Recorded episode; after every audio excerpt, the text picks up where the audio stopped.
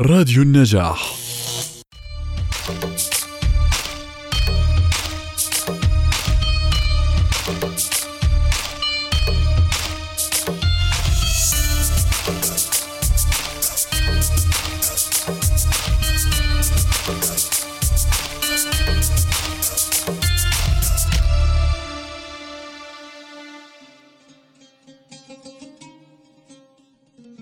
بني اسمع وصايا جمعت حكما خصت بها خير الملل. اطلب العلم ولا تكسل فما أبعد الخير على أهل الكسل. وهجر النوم وحصله فمن يعرف المطلوب يحقر ما بذل. لا تقل قد ذهبت أربابه كل من سار على الدرب وصل. في ازدياد العلم إرغام العدا وجمال العلم إصلاح العمل. أنا لا أختار تقبيل يد قطعها أجمل من تلك القبل. اطرح الدنيا فمن عاداتها تخفض العالي وتعلي من سفل. كم شجاع لم ينل فيها المنى وجبان نال غايات الأمل. أي كف لم تفد مما تفد فرماها الله منه بالشلل. لا تقل أصلي وفصلي أبدا. إنما أصل الفتى ما قد حصل. قد يسود المرء من غير أب وبحسن السبك قد ينفى الزغل وكذا الورد من الشوك وما ينبت النرجس إلا من بصل. بهذه الأبيات القيمة لأمية بن الوردي بدأنا حلقتنا معكم فمحتوى هذه السطور لم يكن يقبل المقدمات فالمعاني العظيمة التي احتوتها أغنت عن كل ما قد يقال فلا قبلها ولا بعدها. الحكمة ضالة المؤمن وبنو الإسلام بها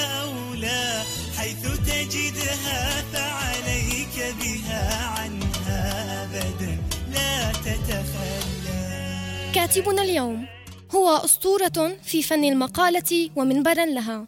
كاتبنا اليوم ولد في يناير سنة 1880 دخل المدرسة الابتدائية في دمنهور حيث كان والده قاضيا بها وحصل على الشهادة الابتدائية بتفوق ثم أصيب بمرض يقال أنه التيفوئيد أقعده عدة شهور في سريره وخرج من هذا المرض مصابا في أذنيه. واستفحل به المرض حتى فقد سمعه نهائيا في الثلاثين من عمره. ولهذا فلم يحصل كاتبنا الكبير مصطفى صادق الرافعي في تعليمه النظامي على أكثر من الشهادة الابتدائية إلا أنه كان من أصحاب الإرادة الحازمة القوية فلم يعبأ بالعقبات وإنما اشتد عزمه وأخذ نفسه بالجد والاجتهاد وتعلم على يد والده.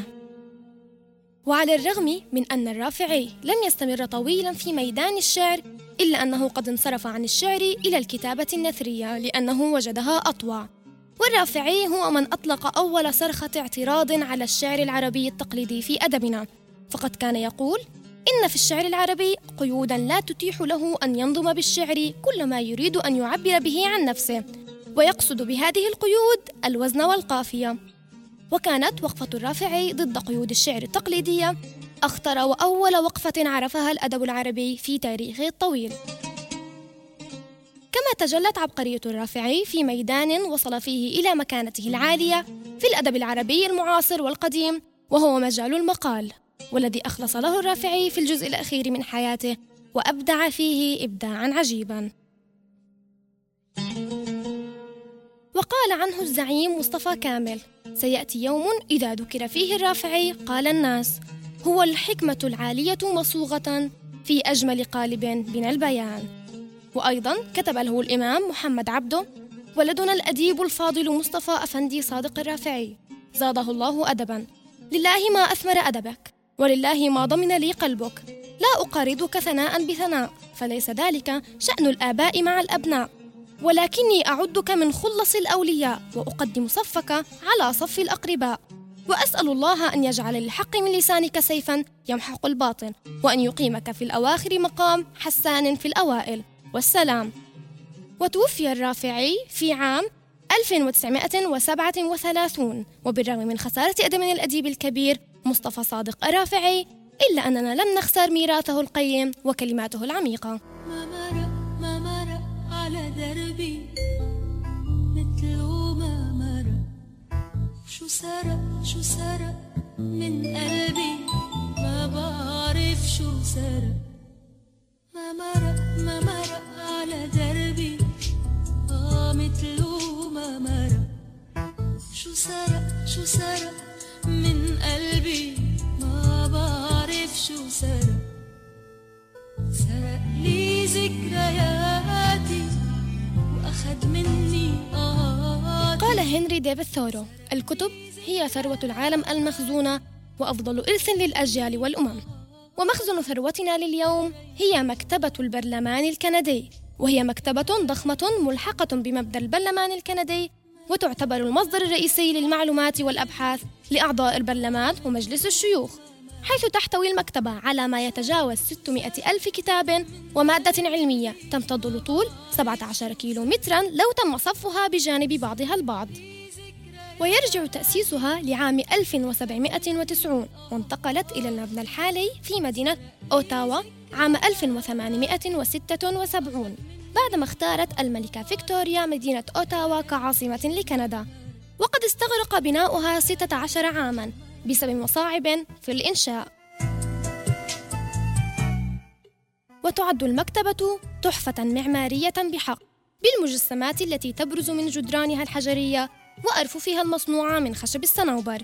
في حين ينتصب في المنتصف تمثالا للملكة فيكتوريا مصنوع من الرخام الأبيض. والطريف أن المعماريين وبعد عشر سنوات من بدء المشروع أدركوا أنهم لا يملكون الخبرة المطلوبة لبناء السقف. فتم التعاقد بشكل عاجل مع شركة بريطانية لتوفير سقف من الصفائح الحديدية الجاهزة. وتم نقله بحرا خلال ثلاثة أسابيع. فأصبحت المكتبة أول مبنى في أمريكا الشمالية ذو سقف من الصفيح. إلا أن السقف اقتلع في إعصار ضرب المدينة بعد ذلك بعدة سنوات.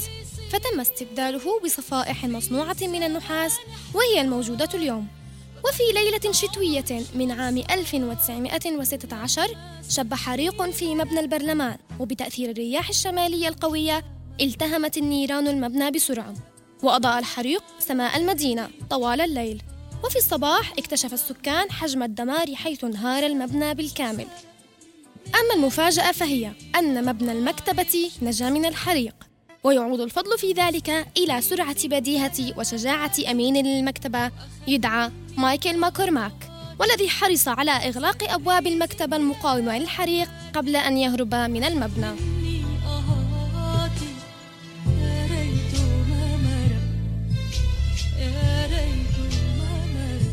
وخلال عمرها الطويل شهدت المكتبة عدة عمليات ترميم وتطوير بدءا من استبدال القناديل التي تعمل على الكيروسين بمصابيح كهربائية ثم ترميم شامل عقب حريق شب عام 1952 ثم إدخال وسائل التقنية الحديثة من أجهزة الحاسوب والإنترنت.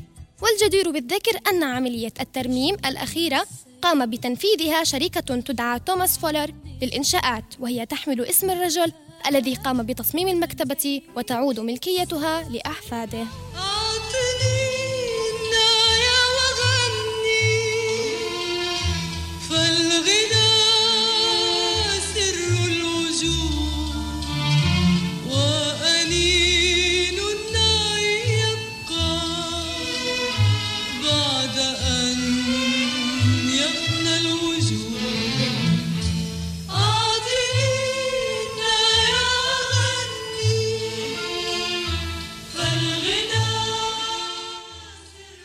القبعات تختلف بأشكالها وأصلها ومناسباتها والقبعة التي سنروي أصلها المشرف هي قبعة التخرج.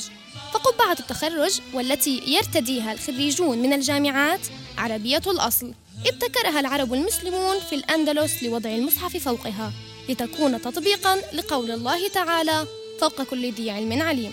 صدق الله العظيم. هذه هي قبعات التخرج التي تتوج رؤوس طلاب العلم والجيل الباني فبهم الأحلام وهم تحقيقها. هذه كانت آخر معلوماتنا في حلقة اليوم. أرجو أن تكونوا قد استفدتم واستمتعتم معنا. كانت معكم من وراء المايك صفاء الحوراني ومن الهندسة الصوتية الزميل محمود أبو موسى.